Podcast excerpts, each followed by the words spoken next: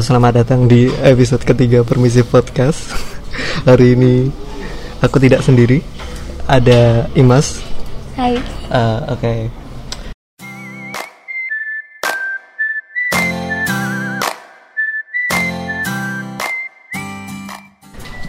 Kenapa nggak sendiri?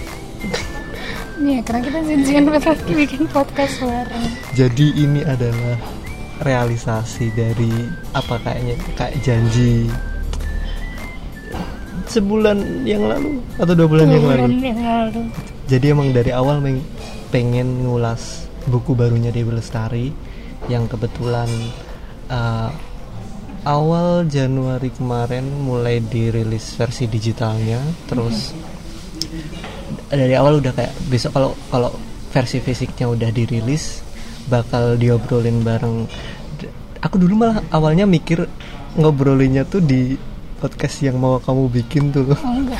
tapi tuh karena karena dia pembaca Dewi Lestari yang kayak bagiku panutan gitu kayak pertama kali aku tahu Dewi Lestari dari dia makanya aku pikir kamu aja lah yang menjadi tuan rumah untuk membahas Eh, Kenapa aku mikirnya gitu? Karena dari awal kan kamu bilangnya kamu bakal bikin podcast yang bahas tentang buku. Hmm. Jadi ketika ketika oh besok bukunya terbit mau dibikin podcast ya aku kira itu bakalan ada di podcastmu itu. Itu sih. Tapi sebelum masuk ke apa namanya komentar tentang eh, Aroma Karsa, Mhm. ada em, apa ya namanya perkenalan dulu aja siapa dirimu Eh, aku Imas sehari-hari aku bekerja mencari uang siapa yang bekerja nggak mencari uang gitu. Em, eh, sambil ngeblog jadi aku rutin ngeblog blognya apa? Blogku di imasdra i m a s n d r a com. Dah. yang kamu bahas di blognya itu apa? Eh, lifestyle sih terutama yang eco friendly kayak gitu. Jadi aku nge-review produk-produk lokal. Kok, ya, kok iya. sebutannya eco friendly Iya kan lo- lokal dan eco friendly gitu. Jadi gak cuma lokal doang. Oke. Iya itu. Terus sama aku bahas lifestyle yang ya eco friendly juga sih. eco Co- eh, arti eco friendly tuh gimana Em, kayak meminimalisir penggunaan plastik. ah Jadi apa pun yang ramah untuk lingkungan. iya iya Termasuk termasuk tidak boros jajan. nggak boros Nggak boros jajan. Maksudnya kamu mengurangi jajan ke kebiasaan konsumtif. ah oke dan itu kamu tulis di blogmu Ah, ah, aku tulis dulu. salah satu artikelnya apa kalau yang berhubungan sama eco friendly Um, aku belum spesifik nulis itu ya mungkin belum. ya, Ah. tapi uh, aku mereview satu produk lokal gitu. Uh, body butter kamu tau nggak? Belum pernah dengar. ya. Itu tuh kayak lotion gitu, bikinan lokal, bikinan Jogja. Dia pakai produk-produk ya 100% tuh produk uh, natural, nggak ada pengawetnya. Jadi itu minyak-minyak Oh, iya. alami gitu lah. Ah, ah, ah. gitu. Dan aku akan ngeluarin satu artikel juga review sabun. sabun artisan. itu sabun aja ada artisan sekarang sabun artisan. dan Itu- ntar ada parfum artisan ya gitu gitu gitu lah. Sabun artisan dia em, basisnya di Jakarta. Cuma dia 100% dari profitnya disumbangin ke NGO lokal di daerah Indonesia Timur untuk memperbaiki sanitasi sama ruang sekolah. Ah. Gitu-gitu. Di- itu sabunnya dibikin pakai apa? Itu dia pakai minyak zaitun. Dan adalah apa gitu aku nggak hafal juga. Tapi nggak ada pengawetnya gitu. Gitu Gak ada pengawet. Sekarang kayak pengawet di mana mana bahkan sabun ada pengawetnya. Tuh ya iya kan? Eh tapi kalau sabun ada pengawetnya tuh sebenarnya salah nggak sih Em, kan itu di, itu dipakai buat luaran kan Ah, nggak ah, ah. nggak buat dikonsumsi gitu loh oh itu aku pernah baca jadi itu kenapa kita harus mengurangi sabun-sabun yang bahan kimianya berbahaya termasuk pengawet itu karena kan kulit itu bagian terluas Ah, ah. dari tubuh kita dan di setiap 5 miligramnya kita bisa masuk 26 detik di tubuh di tubuh. Gitu. Jadi, 26 detik. Oh, oh, jadi kayak chemical berbahaya itu bisa masuk dalam jangka waktu 26 detik detik ketika Ha, terus habis itu ma- Kayak masuk meresap gitu. Mm-mm, dan kan menimbulkan di ya ya ya. Ya jalan jalan darah. Apa sih? Itulah nggak ngerti. Oke. Ya hal-hal seputar itu. Selain eco eco friendly terus eh eco eco friendly kan tadi? Eh, yang kamu tulis apa lagi? Tips-tips listicles Um, ya nggak nggak jauh dari kehidupan kehidupan yang simpel gitu sih oke kamu nggak pernah baca buku ya iya belum pernah baru buka sekali Iya. terus belum tak baca Ya. Iya. Oh, tips skripsi ada. Hah? Tips skripsi. aku lihat di timeline tapi belum tak baca Iya. kamu eh, kayak siapa yang balas balas itu di timeline terus masuk ke timelineku juga Aku tidak ingat. kalau enggak si- siapa ya mbak Eni pak ya Mungkin. mungkin Mungkin. itu Jadi sebenarnya random sih ada menjadi dewasa terus Mm-mm. bagaimana menjadi orang dewasa yang peduli dengan lingkungan walaupun kamu hidup di daerah urban dan semacamnya. Iya. Dan itu umur umur, umur blognya udah Aku kayaknya dari November deh. November Tahun tahun, kemarin. kemarin. Belum lama sih.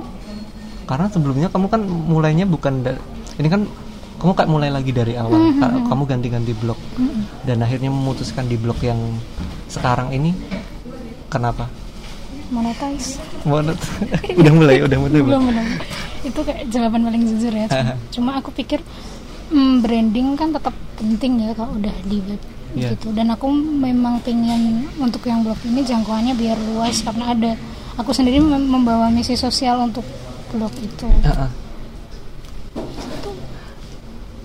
Nah kan tadi kamu bilang kalau jangkau tujuan awal tujuan jujurnya adalah monetize.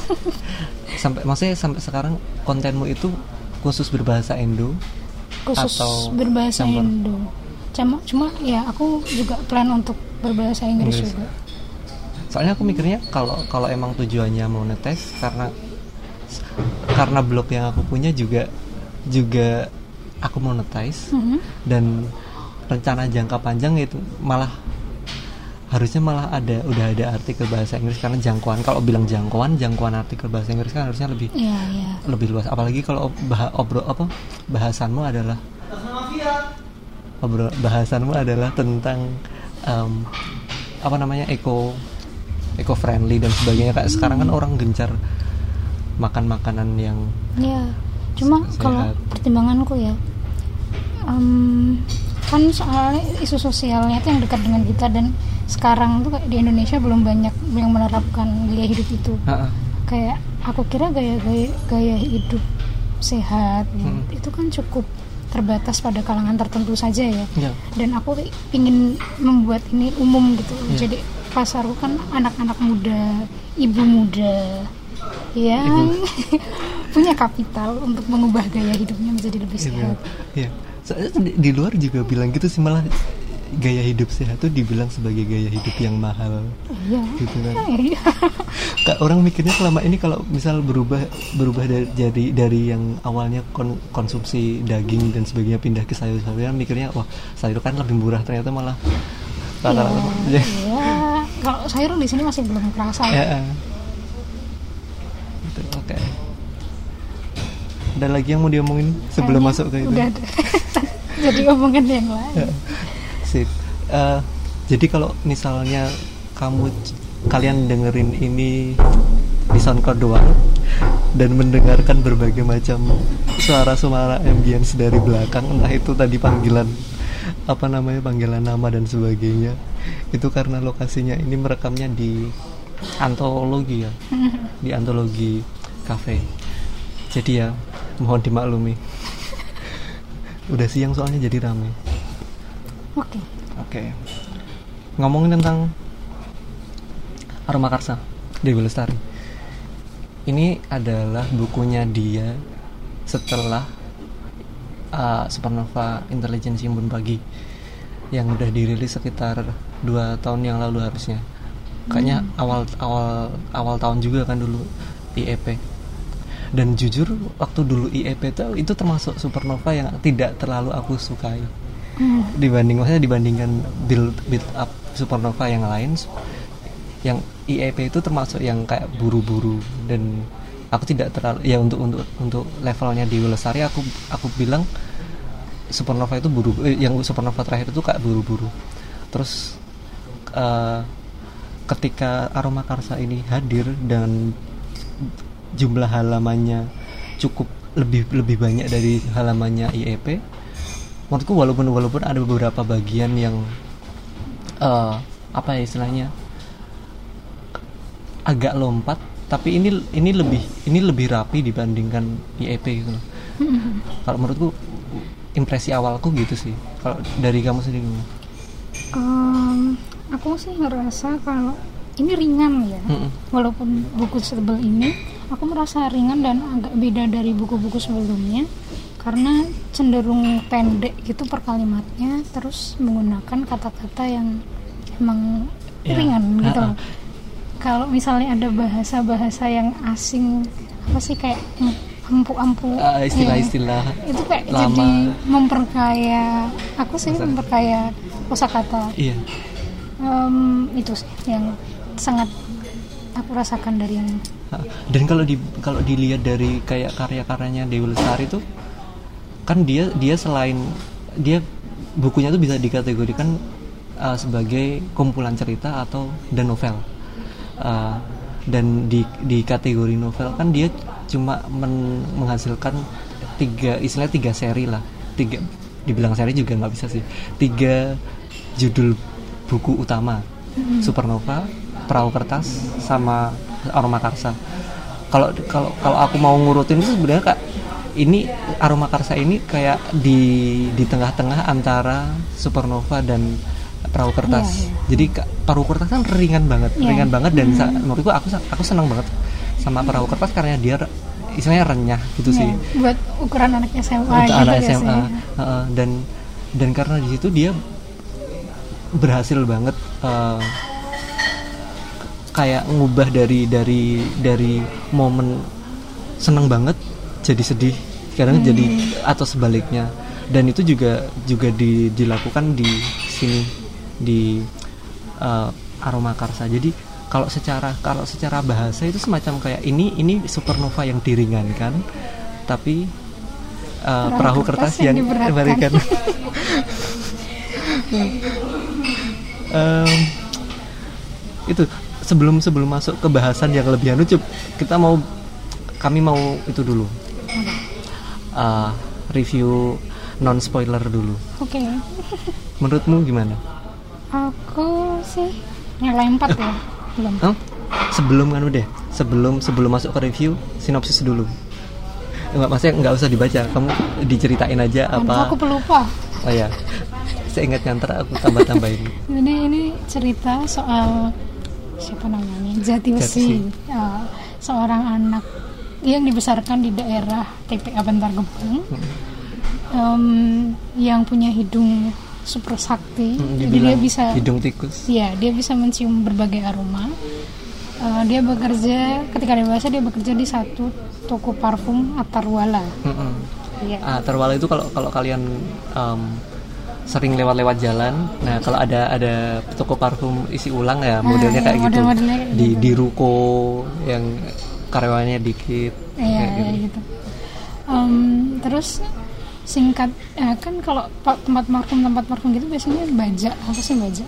Ya, kayak bikin imitasinya. Nah satu ketika si in, si Jatiwesi ini dia mengimitasi satu parfum lokal dan Satu ketahuan. seri parfum lokal. Iya dan ketahuan. Mm-mm. Terus ya di situlah cerita mulai dibangun ya. Iya. Hmm. Dan kayaknya kayaknya kalau nyinggung nyinggung tentang siapa pemilik perusahaan parfumnya itu nggak apa-apa dikit. karena karena, Oh, karena cerita di awal kan eh, sebenarnya bab awal aja itu udah nyinggung ketika Raras ket- Hmm. me- menunggui neneknya Neneknya. yang sudah sakaratul maut kan. Ya, jadi si pemilik ini namanya Raras Prayagung. Itu udah tua Iya, ada tapi tuh. orang terkaya. Salah Iya. satu orang terkaya. enam terbesar ketika perempuan tiga enam- tiga terbesar di perempuan kalau kalau se Indonesia sekitar 100 besar iya ya iya terus dia punya anak namanya Suma. Hmm, Tamaya Suma. Nah nah Suma itu yang bikin seri parfum yang dipalsukan oleh si uh, Jati itu tadi. Dan ternyata keduanya tuh punya kayak indera penciuman yang sama gitu. Jadi dia punya kemampuan untuk membaui berbagai macam bau secara detail dan dari ja- jarak jauh. Bahkan ketika ada angin yang melewati suatu benda pun dia langsung bisa kayak mendeteksi. Dan kalau kalau kalau kalian mau tahu sedikit lebih lanjut ketika pertemuan pertama si Suma dan Jati ini pun pertemuan mereka dipertemukan itu dari penciuman penciumannya mereka sendiri-sendiri. Jadi Suma ini tiba-tiba langsung muntah muntah-muntah. karena mem- Membaui eh, membaui tub- aroma aromanya jati, jati. yang baru datang dari Bantar Gebang. Eh, dan ya itu itu kurang lebih sinopsisnya. Intinya adalah eh, setelah itu mereka akan melakukan sebuah ekspedisi untuk menemukan bibit bibit wa- wewangian legenda yang diinisiasi oleh si sebenarnya udah udah uh, udah dihar udah apa ya kak udah udah diinginkan oleh neneknya si Raras Janira. Janira Oh, ha-ha. iya. tapi baru baru eks- ekspedisinya baru dilakukan ketika um, Raras sudah berada di apa namanya ada, ber- udah berada di posisi orang terkaya Mhm. di Indonesia itu masuk masuk review deh oke non spoiler dulu non spoiler ya sebenarnya aku cukup salut dengan buku setebal ini. Risetnya eh, bagaimana dia menggambarkan tuh aku benar-benar bisa masuk gitu loh. Tapi dengan tidak dengan bahasa yang berat. Jadi aku merasa tidak lelah ketika membaca ini. Hmm, itu dulu sih. Kalau plus ya. Kalau negatifnya aku merasa ini agak agak 11-12 sama IEP Mm-mm. karena di bagian konflik gitu tiba-tiba sudah cepet banget kayak aku nggak tahu ini penyakitnya atau memang gaya khasnya Eh, eh. ibu suri ya tak kamu mas Oke, ini masih spo- non spoiler ya. Non spoiler. em, aku pribadi ketika di awal karena ini banyak banget tokohnya kan, Hmm. kayak wah ini ini aku malah langsung keingetnya kok ini cara-cara pengenalannya mil- jadi mirip kayak Andre Hirata di novel-novelnya dia terakhir. Jadi emang caranya dia juga kayak cerita pendek-pendek, fragmen pendek-pendek, terus tiba-tiba tiba-tiba langsung dihubungkan di akhir. Dan ini juga di, di dilakukan di sini. Tapi eh, ciri khasnya Dewi Lestari, terutama ketika dibandingin dengan Supernova, itu jadi tak makin kental ke semakin ke belakang gitu. Jadi ya ketika di awal dia kita di riset risetnya kelihatan cukup niat terutama dengan istilah-istilah yang lain yang mengenalkan istilah parfum um, bahan-bahan kimia dan penciuman kepada kepada pembaca yang awam walaupun mungkin ada yang ada yang memper- mendalami itu tapi bagi pembaca awam itu, itu udah cukup menjelaskan oh ternyata oh cara-cara membaui penciuman tuh bisa dari apa namanya bukan bukan dihirup satu kali Mhm. tapi dihirup tapi langsung di diselidiki satu-satu. Iya. itu bau apa itu bau apa. Dan cara dia menggambarkan em, istilahnya meng- menghubungkan ceritanya satu sama lain dengan dengan penciuman itu dengan indera penciuman itu termasuk menarik sih. Dan aku kira di awal ini bakalan mirip sama perfume The Story of Murderer. Aku belum aku kira bakal kayak gitu. Eh, walaupun di awal tuh kayak oh ini ini secara secara secara pencarian awal Jati pengen mengetahui tentang kelebihannya dia itu eh, hampir mirip. Tapi ketika di akhir cara dia cara dia menang, istilahnya menangani kelebihannya itu ternyata Dewi Lestari nggak nggak nggak nggak mirip ke situ. Jadi termasuk menarik sih karena jadi akhirnya itu jadi dua dua kalau dibilang buku kalau karena si sorry uh, parfum yang itu udah dibikin film juga. Um, tapi kalau secara eh, sama-sama ngomongin tentang parfum dua buku dua karya ini uh, punya pembedanya sendiri-sendiri. Hmm. jadi menarik. Oh, sama ini ada yang menarik hmm. uh, mirip IEP juga sih. Hmm. Bagaimana dia menggabungkan kehidupan nyata urban yang kota banget sama tiba-tiba uh, jomplang ke, ke ini yang lampau yeah. setting-setting Jawa yeah. gitu kan. Ha -ha. Dan tau gak sih aku membayangkan ketika baca itu kayak nonton Indosiar. Iya enggak? Iya enggak? Bener, bener. ya enggak. Terus aku inget nih waktu ini udah mulai spoiler ini belum? Habis ini deh. Oke. Okay. Oke. Okay. Tapi ada ada kayak eh. aku nonton kartun juga gitu loh rasanya. Iya. Gitu. Jadi intinya kalau kalau dari yang non spoiler apa ya? Ini ini cukup pengobat. Nah, kalau aku bagi aku pribadi ini cukup mengobati kemarin uh, keresahan ketika baca IEP sih karena yeah, pada hmm. akhirnya kan IEP dibilang oh Supernova bakal ada lagi karena di awal ketika aku aku sempat bikin review yang tentang IEP pun aku juga bilang ini ada potensi masih ada sequel yang hmm. kayak nanggung dulu Dewi Lestari awalnya dari awal udah pengen oh Supernova cuma 6 tapi ternyata di akhir dia dia meninggalkan kayak gantungan yang yeah. ya, yang kelihatan banget gitu loh yang kemungkinan eh, ini ini ini baru kayak IEP itu baru awal awal awal dari hal yang baru entah ntar pakai judul supernova atau gimana. Tapi kalau ketika di di ini di aroma karsa ini ketika dia karena IEP sama aroma karsa tuh aku melihat kayak emang kayak dua hal yang yeah. kembar dulu sama-sama ada mitos dan sebagainya.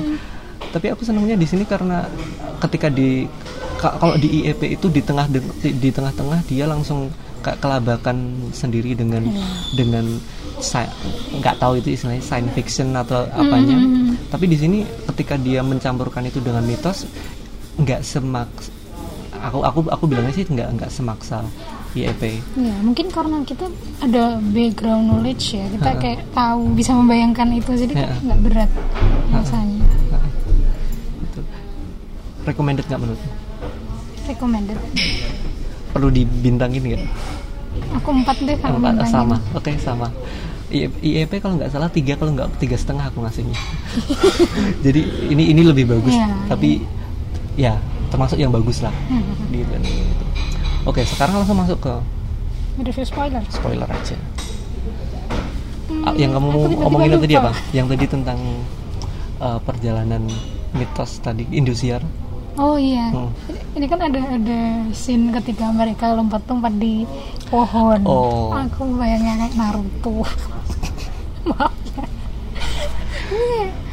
ya aku rasa itu, cerita ini relatable gitu loh. Aku pernah melihat uh, kepingan ini di suatu tempat, bayangkan ini di suatu tempat. Jadi cukup memba cukup memanjakan sih mm -mm. di di kepala itu.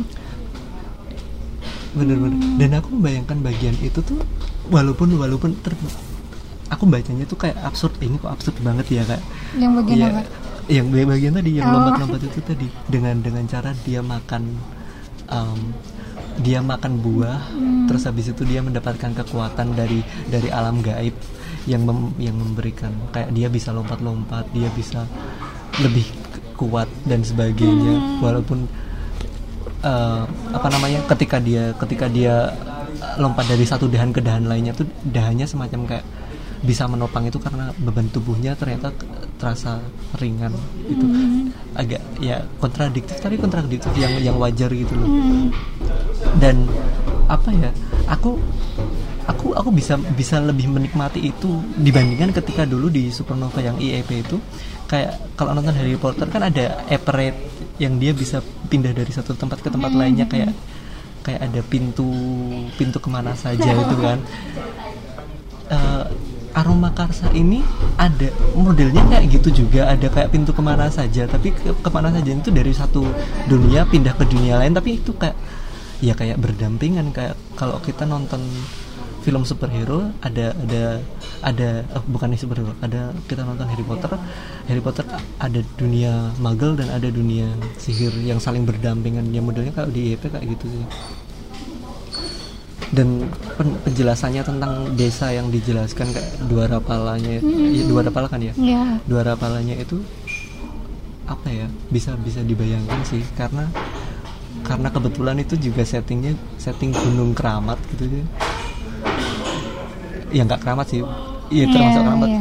gunung yang banyak banyak di di agung-agungkan oleh orang-orang entah itu pendaki entah itu orang yang nyari pesugihan jadi ter- ketika baca tuh ter- kayak wajar gitu ini bener nggak sih Iya. ini? Hmm. aku sampai pada titik ketika mungkin aku ke sana aku akan memikirkan buku ini sih kayak Iya. membayangkan kejadian itu Ah. ada aku pikirnya walaupun mustahil. Ke- kalaupun aku ke sana aku nggak mau ngambil jalur tengah. Ya karena di, di di buku ini dijelaskan pintu masuknya adalah dari jalur tengah pendakian. Kalau sebelumnya dari jalur yang lain ini ada pakai jalur tengah yang yang sering ada. Kalau di situ dibilang juru kuncinya selalu melihat gunung itu bermasalah atau enggak dia naik untuk melihat apakah ada ada ampak-ampak atau ada kabut yang menyelimuti jalur tengah itu. Jadi emang ya itu kun- eh, pintu di demit gunung kalau dia bilangnya sih. Eh, kamu mau ngomong apa lagi? Dan tiba-tiba aku lupa. Kau dulu. Oke.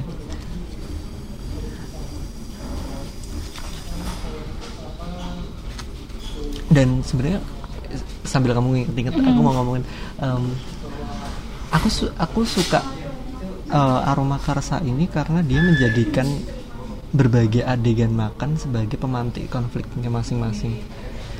Em, entah itu eh, konflik yang sublim maksudnya yang yang antara antara bukan fisik sama fisik tapi kayak emosi sama emosi waktu ketika awal Jati sama Suma duduk bareng Hmm. terus Jati kayak mena- me- mengkritisi pus Pak Puspa Ananta Hmm. habis-habisan dia bilang harusnya gini harusnya gini harusnya gini itu terjadi di meja makan dan Hmm.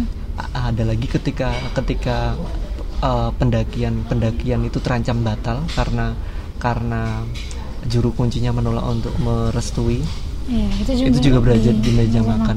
Jadi kak, a- aku suka keintiman, kein, maksudnya adegan orang orang makan bareng itu kan kayak nunjukin harusnya itu jadi jadi momen bareng dan ketika di momen bareng itu ternyata mereka memiliki konflik yang terus-terusan hadir itu kayak nunjukin ya dari awal emang eh, mereka punya masalah, maksudnya Iya. mereka punya konflik internal yang selama ini dis- disembunyikan satu sama lain Hmm.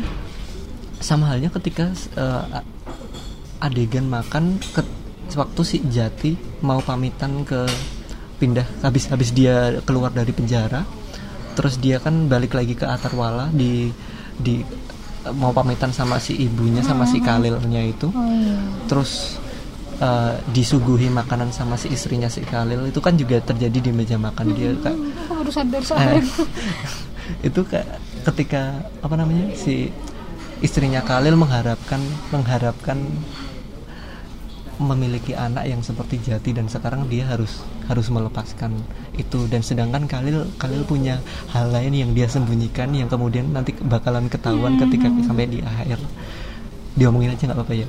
Bah- eh, bahwa si si Khalil ini dulu sebelum sebelum menikahi istrinya yang sekarang itu eh, udah ya hubungannya kayak Suma sama Jati. Em, kayak deket banget sama Rara Prayagung sampai akhirnya dia keluar dari perusahaannya si apa namanya perusahaannya Eh, oh my god lupa namanya perusahaannya Eh, kakak Kemara. Kemara. Ya sampai sampai akhirnya dia keluar dari Kemara. Walaupun kalau mau dibilang kalau kalau dari awal sih Khalilnya itu eh, tujuannya sebenarnya kalau kalau menurutmu Hmm. antagonisnya di sini tuh? Prayogo. eh, ketika di awal. A- aku merasa kayak kalau kalau di Twitter tuh sampai ada yang bilang kayak anime betrayal eh, top 10 anime betrayal. Aku iya. ber- aku ber, enggak aku berkali-kali kayak merasa di- dihianati oleh karakter-karakternya tuh. Kamu sendiri merasa siapa? Karena di awal di awal tuh aku bener, aku beneran kayak peduli sama si Raras tuh loh ya baru ketika di akhir aku bahkan nggak bisa aku nggak bisa sepenuhnya membenci Raras hmm, Eh, dan yang yang yang tak yang aku benci itu malah justru ke- ke- kekuatan dari Puspa Karsa karena dia selama ini yang yang kayak menyelipkan berbagai macam iya. apa namanya sugesti yang dia pengaruhi biar orang-orang memenuhi keinginannya dia entah melalui entah lewat siapa entah lewat Raras entah lewat Suma Hmm. entah lewat Ya, mungkin gitu. eh, dirimu melihat itu seperti itu karena bab awal langsung ini ya sih cerita soal Raras. Iya. Jadi kayak selama ini kan kita jarang menemukan eh, cerita yang tokoh utamanya di depan dan dia jahat ya nggak sih? Dia masalahnya kan di awal di awal diliatin bahwa si um, si Rara itu semacam jadi sosok yang sangat berbakti gitu loh. Mhm. dia bahkan nungguin neneknya mati. Maksudnya dari dia kesibukannya apa dia bela-belain uh, menunggu neneknya sampai neneknya uh, Iya. tewas eh wafat. Mati ah apalah. Mangkat. Eh, mangkat. Eh, mangkat bener istilahnya mangkat kan di sini. Dan dan di situ oh ini orang baik. Dan dan kan baru baru kelihatan bahwa dia dia dia dia, dia sejak awal digambarkan sebagai sosok yang bukan keras kepala sih tapi kayak punya Progresif gitu progresif ya. dan punya punya pendirian yang kuat gitu loh Ya. kalau dia punya sesuatu ya dia bakal melakukan walaupun ketika sampai di akhir aku jadi meragukan apakah selama ini sikapnya dia yang kayak gitu itu dipengaruhi oleh si Puspakarsa itu jadi gara-gara kamu membahas ini aku jadi jadi merasa kalau iya Ra- Raras Prayanggung itu memang kayak tokoh sentral di sini. Tapi sayangnya elaborasi kenapa dia punya motif kayak gitu tuh nggak Belum jelas ya sih ya ya bisa juga kalau misalnya dia terpengaruh sama Puspa Karsa. Cuma menjadi aneh karena dia ya dia mengoleskan dan lalala seharusnya dia punya kemauan untuk apa sih kayak dia punya ke kemampuan untuk mengendalikan dia tapi antara dia dikendalikan atau enggak itu tuh kayak nggak di- dijelaskan gitu Ha-ha. ya bisa dan ketika di akhir ketika si sumanya datang balik-balik dari untuk untuk untuk melakukan misi terakhir mau menghabisi si, si, si Raras itu Hmm, menurut oh. kamu itu pendapatmu gimana ya itu? kayak itu favoritku mungkin Eh. Itu kayak tidak terduga cuma di situ aku merasa ada yang salah Nah, kenapa? kayak mungkin mulai ada kayak hint kan kalau ini ada sesuatu yang nggak benar Iya. karena tiba-tiba aja dia dibunuh. Kan- jadi antara itu Suma atau Puspa Karsa itu tidak jelas Ha-ha. kehendak untuk membunuh Raras itu dari Suma atau Puspa Karsanya sendiri tapi itu aneh banget kan Puspa Karsa membunuh orang yang mencari dia aku malah dari ketika aku ketika baca adegan itu tuh kayak kayak ada kepuasan di situ. Iya. tapi di satu di lain hal ya tadi kak siapa yang membunuh si Raras itu kalau aku malah mikirnya ketika udah selisih beberapa waktu gitu wah ini udah si Puspa Karsanya yang melakukan. Hmm, karena di awal dia yang mem, yang memposisikan kayak em, si Puspakarsanya ini merasa di, mungkin merasa terancam karena eh, dia dia mencoba dikuasai oleh eh, perempuan luar gitu loh. Karena di ekspedisi pertama kan di ekspedisi pertama kan dia kaki si kakinya Raras kan dilumpuhkan dilumpuhkan karena itu juga kan karena alasan. Walaupun di saya bentar di awal itu dilumpuhkan sama si dua rapala kan itu sama si Nom sama Mm-mm. satu lagi.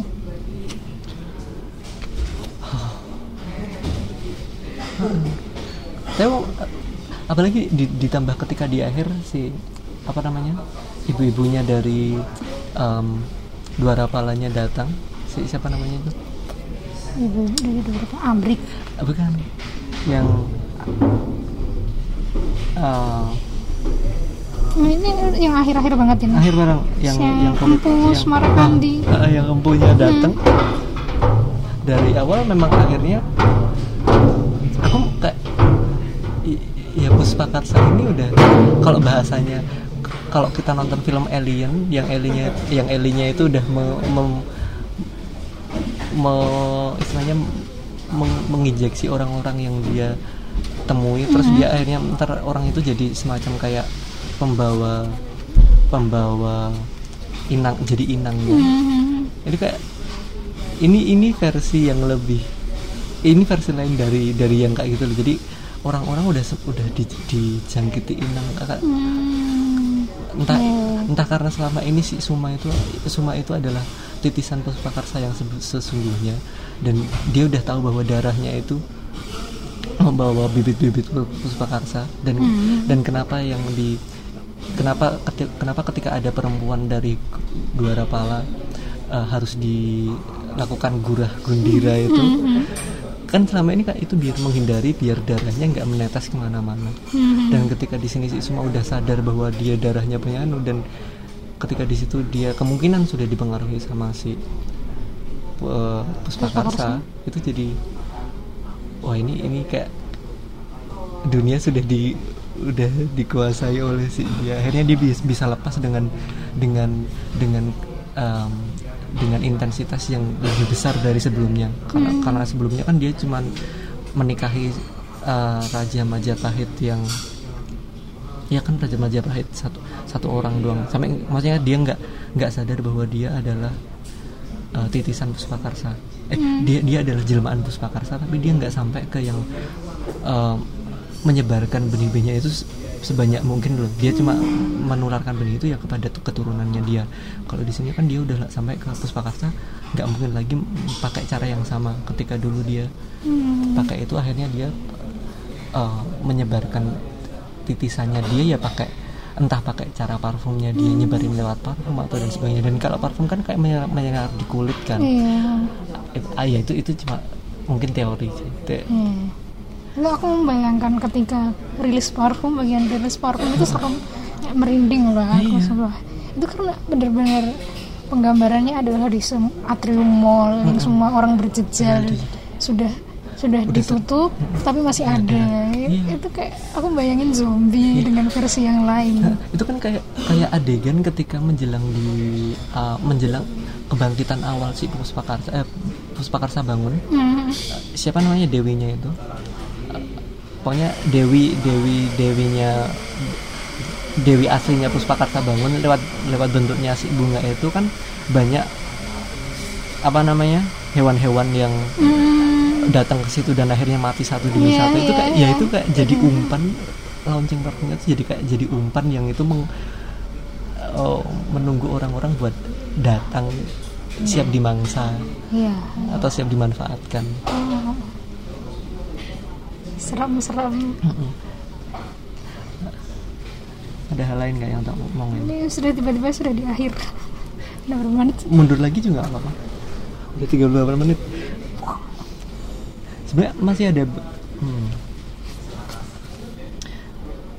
tapi aku seneng banget karena di sini aku ter, aku ini termasuk bukunya Dewi Lestari. Yang tiap karakternya punya penu- penutup yang khusus. Maksudnya karakternya dikenalkan dan di di dan dipamit dipamit pamit kepada audiens dengan Dengan cara dengan yang cara yang, pas. yang pas gitu loh Di- mereka nggak cuma datang terus nggak ada gunanya sama sekali Tapi menurutmu Nurdin itu gimana? Hah? Nurdin, aku jadi terus teringat sama dia. Nurdin itu ya itu itu itu satu-satunya karakter yang masih antara Ganjel. ganjel. Di awal kan sampai kayak ini ini dia jahat gak ya? Iya, iya. Atau iya. mungkin karena dia dia keras gitu karena dari awal dia hidup di Bantar Gebang. Dia jadi kayak Hmm. jadi dia jadi salah satu itu kan bukan calo apa ya peng, pengepul. Pengepul. Pengepul itu dan dan dia kan maksudnya harus punya power buat biar orang tuh takut dan akhirnya store terus ke dia. Mungkin karena sikapnya itu dia melihat mungkin melihat bahwa oh ini ada bayi. Iya. karena dia itu sama kayak ketika kalau aku mikirnya sama kalau kita lihat eh, orang apa namanya pengemis di jalanan itu kan ra- banyak yang orang bilang anak-anaknya itu diculik ketika mereka kecil Mhm. mungkin mungkin bi- mungkin bisa gitu mungkin dia jadi kayak sindikat pencuri penculikan anak Nggak jadi sindikat gini itu itu salah satu teori yang mungkin sih Lalu pamitnya Nurdin itu kan di akhir-akhir dia yang marah-marahan sama marah Jati di itu. waktu di taksi itu kan Iya menurutku Nah. itu yang- salah satu scene yang emosional dan bisa sangat dibayangkan sangat realistis. Sayangnya setelah agak lama membacanya, udah udah selesai bacanya, aku merasa jadi bertanya-tanya soal Nurdin ini. tuh. Dia kayak digambarkan ya itu aja. Dia hanya mementingkan uang. Porsinya, Porsinya. gitu. iya kemungkinan iya Aku jadi tidak bisa mengatakan porsi itu pas atau saat ini aku masih pengen tahu, tahu tentang soal bahkan ketika di akhir porsinya si Anung yang awalnya nggak jelas itu di akhir lebih jelas daripada si aku Nurdin suka kan? itu soalnya Heeh. reveal-nya kan pelan-pelan. Pelan-pelan dan nggak kayak di awal tuh ini apa ya? Ini kok ini bakalan bakalan di bakalan dirapikan nggak di akhir? Oh ternyata di akhir dijadikan elemen yang satu bagian gitu. Menarik sih. Dan ada tapi Anung itu akhirnya di kan dikasih titipan itu kan. Eh, dikasih biji supaya supaya supaya Tidak. Ya agak waras agak gitu waras kan. sedikit oh. cuma itu dikasih nggak sih dikasih apa dikasih ketika di rumah sakit oh ya terus Di- dia pindah di, di rumah sakit. Ah, di rumah di dan di akhir ketika ah, di sini tuh ada terlalu banyak kebetulan yang menarik itu kayak di akhir si kepala polisinya mengembalikan mengembalikan pisaunya iya. itu yang yang dipakai buat gurah gembira si Hmm.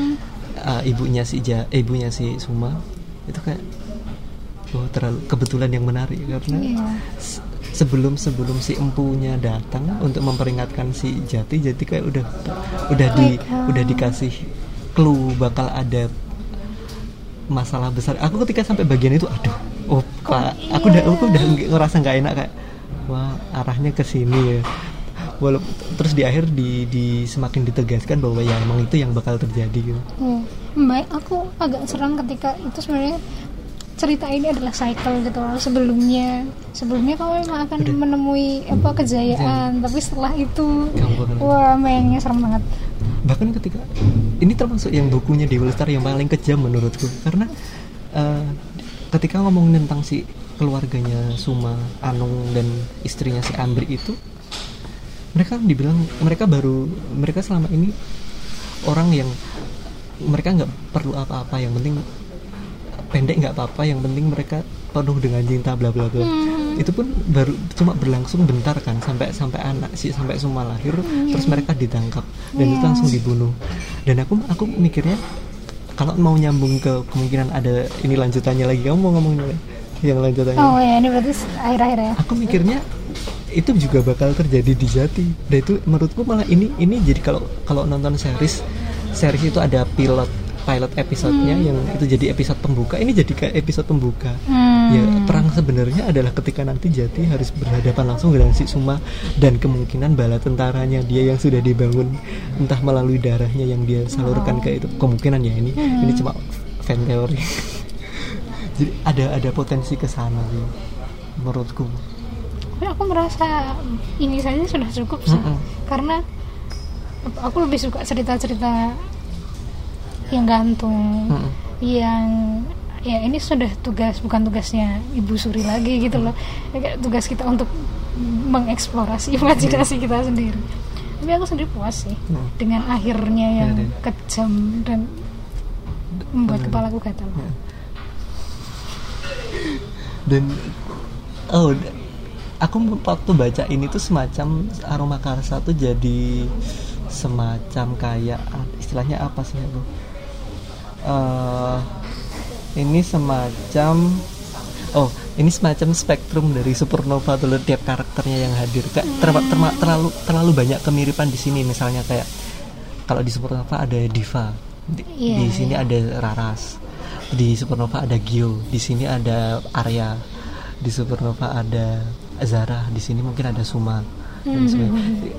Eh, jati mungkin kayak si mungkin kayak alfa kalau nggak body iya body karena dari dari penokohannya ke mungkin ya mungkin Dewi Lestari karena selama ini Supernova adalah buku pertamanya dia eh, novel pertamanya dia yang dia tulis. Jadi ya semacam template penokohannya Iya, dia ya udah udah nyaman dengan penokohan yang semacam itu. Tapi aku senangnya itu sih kak. Walaupun template tapi menurutku cukup dalam sih. Cukup dalam ha.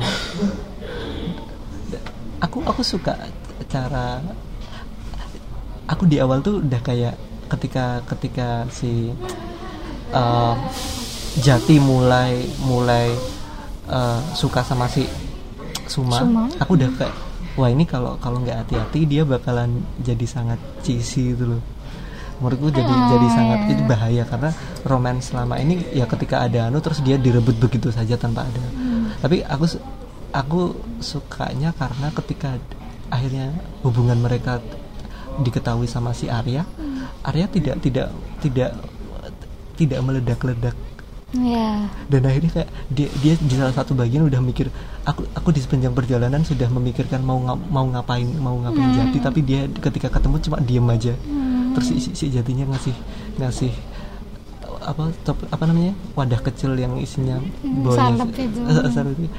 Itu. It- itu perpisahan yang menurutku perpisahan yang pas Iya. tapi aku akan se- sejujurnya aku bertanya-tanya apakah semudah itu Mm. Aku mikirnya karena mungkin ya karena dari awal kan si dibilang aroma yang dibikin sama si Jati dari dari dari pencampuran parfumnya dia itu semacam sangat sangat nah, kalau aku baca sih kayak kayak powerful banget gitu kan. Hmm. Mungkin ya sepowerful itu bahkan ketika dia di jalan di tol dengan itu. dengan kondisi dia masih misalnya ba- batinnya kemelut selama ini kenal Asik. kenal sama si Suma sejak kecil dan dia tiba-tiba langsung kan penuh dengan berbagai macam kebingungan-kebingungan dan dia sampai ming- banting banting setir dan berhenti di berhenti di pinggir jalan Hmm. terus kayak merasa dipeluk oleh baunya itu ya mungkin se- mungkin se Iya. sepowerful itu Tapi mungkin oh, ini juga tipikal scene-nya Dewi Lestari banget ya sih. Ini kayaknya di perahu kertas juga ya. ini proses itu Ha-ha. Terus, Ya karena bukunya udah banyak jadi kita bisa sok tahu Eh, ini mirip mana, ini mirip mana. tapi ka- karena kalau kalau dilihat lebih lanjut emang selama ini Dewi Lestari selalu tidak pernah bermain dengan satu tokoh tunggal sih Iya nggak sih? Hmm, iya. kalau di ketika ngomong super, tentang supernova dari dulu supernova yang pertama aja itu tokohnya udah bukan satu doang. Hmm. pakai duel walaupun satu satu semacam kayak dunia yang dia dianggap fiksi satunya tokoh real yang sedang nulis ceritanya fiksi itu yang ternyata itu jadi ada koneksinya di situ. Di di perahu kertas pun juga itu pakai dua tokoh utama juga Kuki dan Kenan. Dan di sini juga di sini ini malah lebih banyak lagi kayak dia bereksperimen dengan se- sekian banyak tokoh Dan menurutku tidak saling menenggelamkan se- si iya satu tokoh dengan yang lain. dan dan dan banyak tokohnya ini dalam satu buku tuh lo nggak perlu building Hmm. tidak perlu pembangunan dengan beberapa buku dulu Ya, ya. Aku harus memuji bagian. Ha-ha. Karena sebelumnya kan aku membaca buku yang sebenarnya template-nya sama, yang tokohnya banyak sekali. Mm-mm. Tapi aku kesulitan untuk memahami si ini yang mana. Iya. Karena mirip-mirip kan penyakitnya. kamu baca bukunya J.K. Rowling yang Casual Vacancy nggak? No.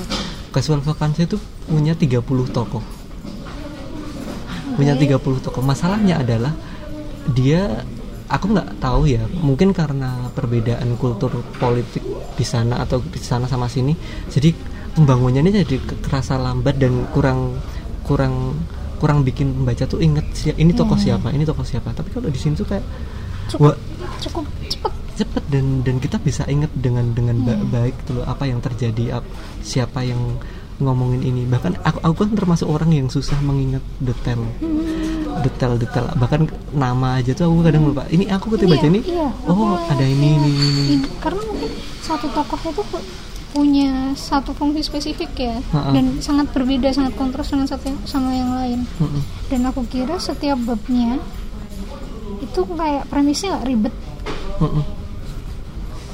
dan dan mungkin kebetulan mungkin enggak cuman kayaknya aku merasa aroma karsa ini sebagai karya yang sudah diimpikan di dari lama karena Hmm. di dari dulu kan selalu su- selalu suka dengan uh, cerita yang mengangkat tentang alam.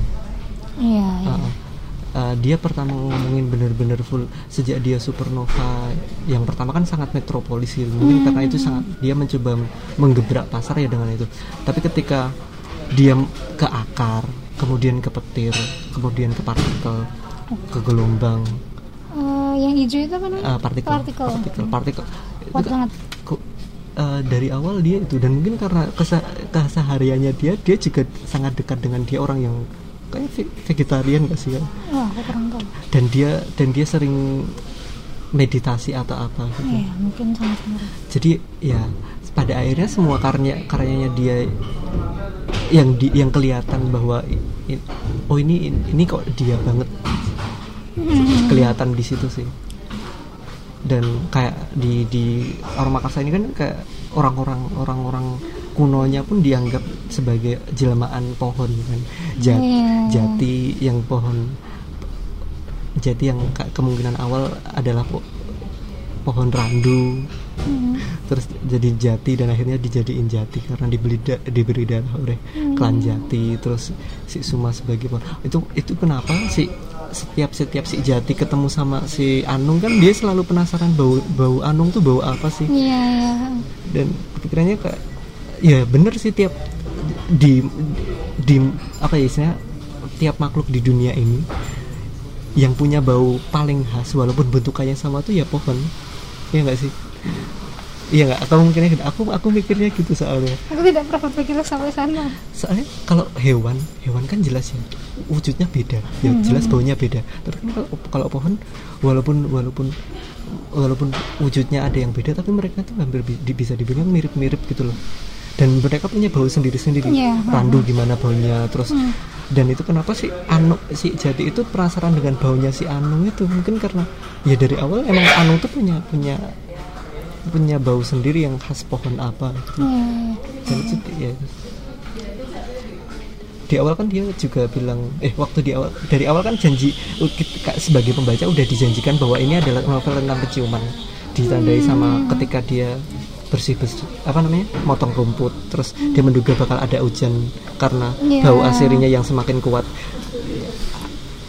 Itu pembuka yang menarik sih Oh, ada satu lagi yang aku suka banget. Hmm. Ketika Jati ngasih parfum ke Ningsih yang namanya, Eh. oh itu aku ngakak. Aku ngakak. Setan, kamu dukun. aku aku bisa aku aku kemungkinan bisa membayangkan itu parfum apa yang diberikan karena waktu KKN tuh temanku ada yang kayak kamu pernah bau bau nggak sih orang yang bau tapi baunya kayak bau menjan gitu parfumnya mungkin Oh, parfumnya yang model kayak gitu dianggap sebagai parfum kaya Parfumku. Em, itu kayak kalau aku kakaknya pakai itu terus teman-temanku serem semua. Karena kayak kembang-kembang ya gitu lah.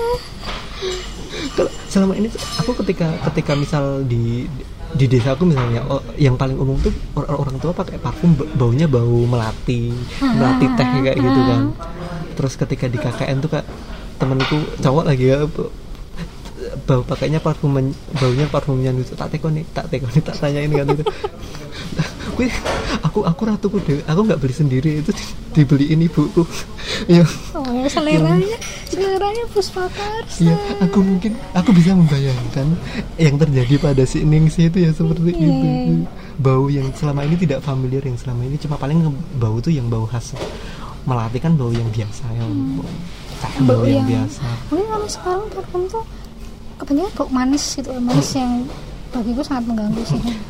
Aku sukanya lagi di di novel ini banyak menyebutkan kayak elemen-elemen parfum yang selama ini aku nggak paham itu tuh apa bergamot dan sebagainya. Oh, kamu nyariin satu-satu. Aku terus aku ngecekin itu itu baunya eh, itu yang modelnya kayak apa. Oke. cara soalnya meyakinkan tuh loh cara dia mencampurkan elemen ini elemen walaupun a- waktu eh, aku belum selesai waktu bagian menyampurkan itu meyakinkan tapi aku termasuk yang tidak terlalu suka ketika jat ketika eh, bagian deskripsinya jati yang bahasanya berbunga-bunga dan sebagainya Oh, iya. deskripsi parfum maupun Tapi menurutku itu sangat jati sih. Hmm? Menurutku itu sangat jati wala- walaupun mengganggu, cuma itu menunjukkan kalau ya itu satu karakternya jadi Mm-mm. apalagi ketika sudah sampai ke suratnya untuk Suma itu kelihatan banget kayak kalau catatan yang dulu itu kan kita bergumul dengan pikirannya sendiri Iya. tapi ketika sudah sampai surat ya itu menunjukkan untuk seseorang dan ada kontrasnya.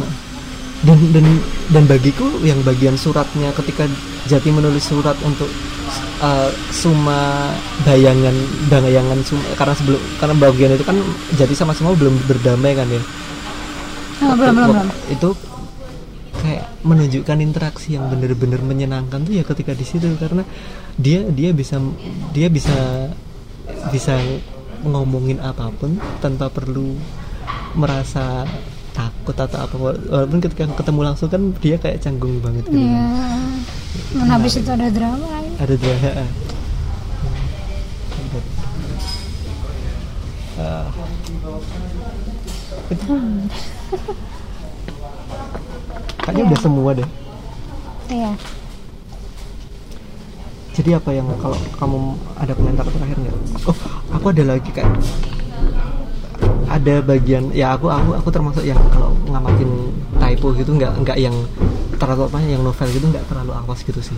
Tapi kok merasakan ada detail misal bandara bandara Adi Sumarmo itu alokasi aslinya bukan di Solo tapi di Boyolali. Aku langsung mendeteksi itu tuh ya. Tapi di sini di sini ditulis, ditulis lokasinya Solo. Mungkin bakal diperbaiki di cetakan berikutnya.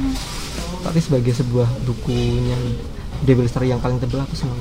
Ya termaafkan lah yang Mm. minim-minim ini teknis teknis banget lah teknis tuh Pak. apalagi ada ada versi ralatnya juga kan di web udah dirilis heeh. termasuk yang rajin loh ini Kak. dia langsung sebelum rilis dia nulis rilis video dulu. Kalau dia menyelesaikan proyek baru. Terus ketika udah rilis dia ngasih ralatnya langsung bahkan ngasih catatan tambahan itu kak. Dewi Lestari belum pernah seniat ini ini Kak, memang benar-benar udah menantikan dari lama. Kursus parfum juga. Eh, iya- oh iya ya iya heeh. tapi aku aku bagian yang tidak terlalu tidak terlalu grabbing menurutku ketika eh, Jati di Paris di situ iya walaupun aku seneng dia se- settingnya si Paris itu tidak tidak mati tidak mati maksudnya Hmm. ada intera ada ada ada interaksi yang jalan di situ dan itu nggak cuma jadi deskripsi doang Hmm. tapi itu kayak ada kekosongan tuh loh kak dibandingin sama yang lain itu termasuk yang menurutku risetnya paling paling minim Paling sih minim. terlihat kelihatan banget walaupun ya itu Iya. Tapi nggak nggak se- seburuk gitu kan. Maksudnya masih bisa dinikmati Masih bisa, cuma heeh. rada jomplang agak dibanding jomplang dibanding yang lain apalagi kan itu periodenya singkat banget kan Kayak Mm-mm. di awal apalagi ketika di awal si Raras dampingin cuma buat jalan-jalan terus nggak tidak terlihat Iya, rasanya kayaknya nggak ada ya waktu Iya. di situ. powernya Raras kan nggak kelihatan di situ padahal Iya. di awal dia kayak melihat kan dia punya power yang sedemikian besarnya bahkan bisa mempengaruhi kan oh apa namanya artisan orang pembuat parfum sana biar memberikan apa ya rekognisi pada jati Harusnya memang yang kayak simbol-simbol kayak gitu mungkin Raras harus masuk. harus masuk Karena aku merasa karakternya Raras itu masih kurang kompleks, masih bisa dibikin lebih kompleks gitu loh dengan Iya. menunjukkan berbagai sisinya dia dalam menghandle jati. iya dan Raras tuh karakternya ter- kelihatan paling paling keluar tuh justru ketika dia terlibat terlibat interaksi yang minim jadi misalnya Hmm, misalnya dia bareng dia bareng Jati bareng Suma. Dengan diamnya dia di situ walaupun yang ngomong sama Suma sama Jati kelihatan banget kehadirannya tuh iya. loh. Malahan malah lah, malah yang ketika di Paris itu ketika yang hadir cuma Jati dia dan si asistennya itu justru malah nggak kelihatan kehadirannya Iya. dia harusnya kalau mau menunjukkan bahwa Jati hal- bahwa Jati habis ini bakalan melakukan misi besar yang dia nggak mungkin nolak itu sa- itu salah satu kesempatan Raras buat membangun kenapa harus kenapa Jati harus begini Iya, apalagi kan um, Raras kayak minta petunjuk sama Khalil kan gimana aku harus menghandle Nah, itu, tapi mm-mm. dia tidak menunjukkan bagaimana dia menghandle Mm-mm. jadi. Mm-mm, mm-mm, mm-mm. dan ketika keti- waktu si aku deg-degan loh ketika si uh, Suma membuka buku hariannya Oh, Jati iya. itu itu kan itu, itu salah satu pet peevesnya ya si Iya. Jati banget kan dan itu dan tiba-tiba ketika itu berakhir begitu saja walaupun dengan dengan dengan dengan penyelesaian yang menurutku cukup bagus sih kenapa dia akhirnya bisa memaafkan si Suma itu harusnya ada ada percikan dikit lagi di situ Iya.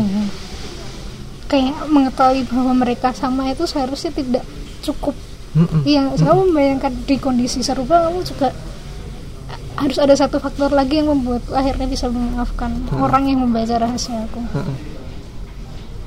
Tapi nggak tahu apa. karakter favoritmu siapa boleh dua boleh satu Kamu dulu deh. aku suka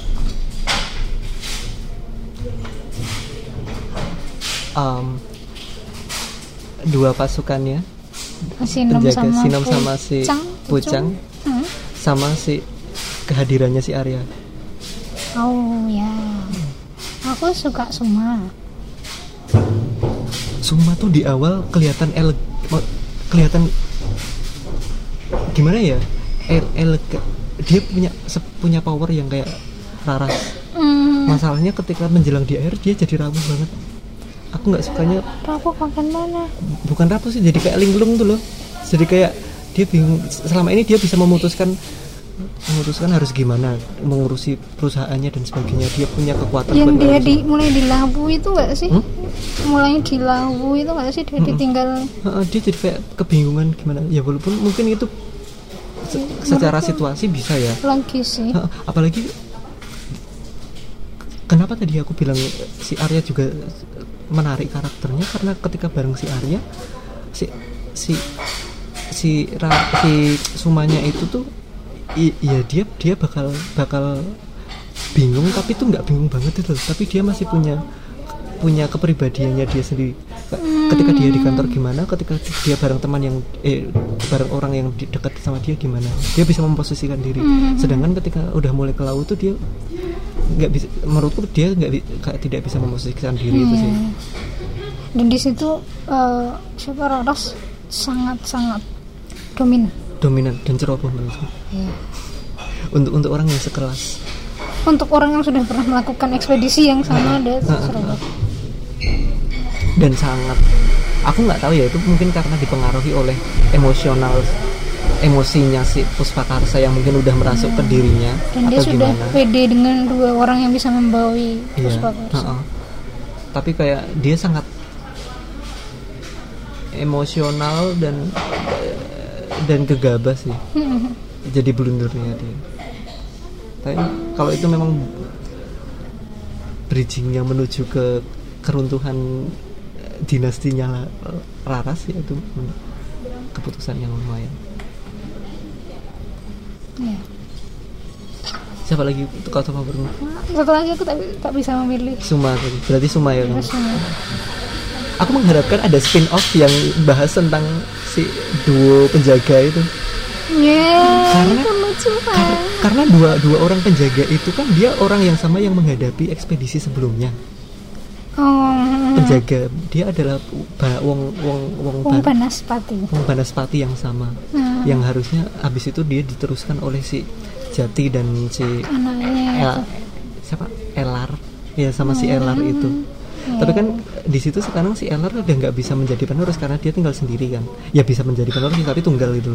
Dibandingin Oh, iya. iya karena harusnya kan Elar itu barengan sama si Jati. Hmm, dan kemungkinan kan si dua orang itu bakal jadi penjaga terus sampai kapan pun mereka tidak benua ya? menua tapi kayak pelan-pelan. Kayak dibilang kayak dibilangnya harusnya si Jati kalau dihidup di situ umurnya masih sekitar 8 tahun juga. Tapi kalau di luar jadi menua lebih cepat.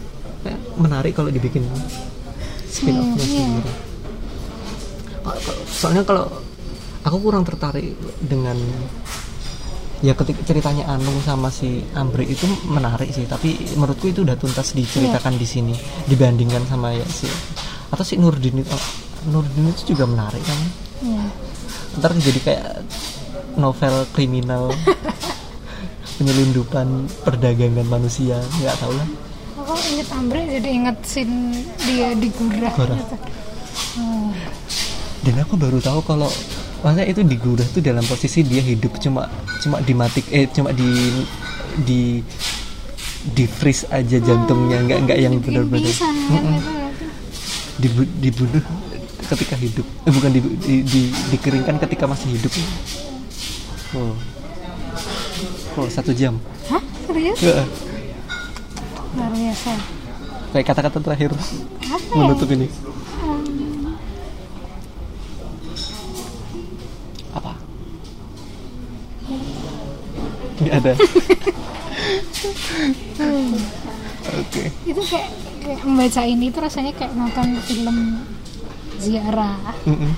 kayak nonton ini apa Red Sparrow yang Ah, iya. ketika kamu selesai kayak sudah. Akhirnya ya Iya kayak kamu kadang tidak perlu berkomentar tapi kita membuat podcast ini. Cuma, ya kayak puas. Iya, aku juga puas dengan ini.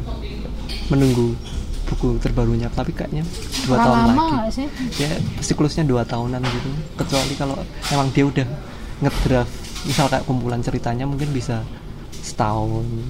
membayangkan ini ada ininya apa spin off itu gimana sih seharusnya kamu membayangkan Bayangan gimana? membayangkan spin off dari Buku. Ya, dia. Mhm.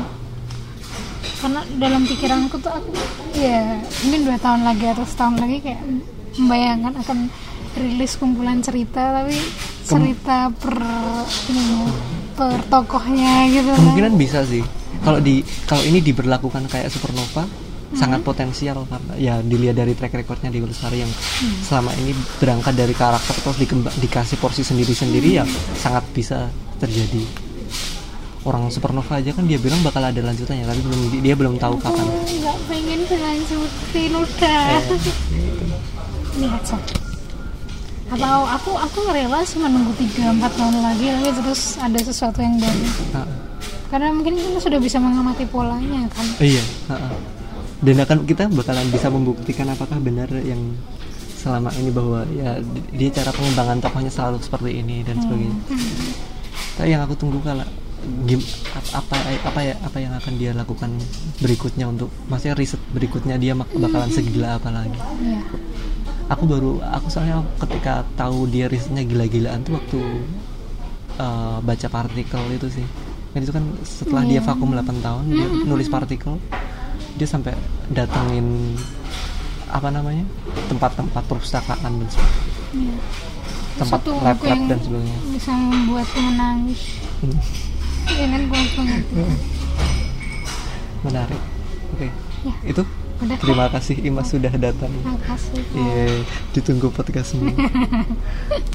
Itulah podcast untuk hari ini. Eh, terima kasih sudah mendengarkan Permisif Podcast.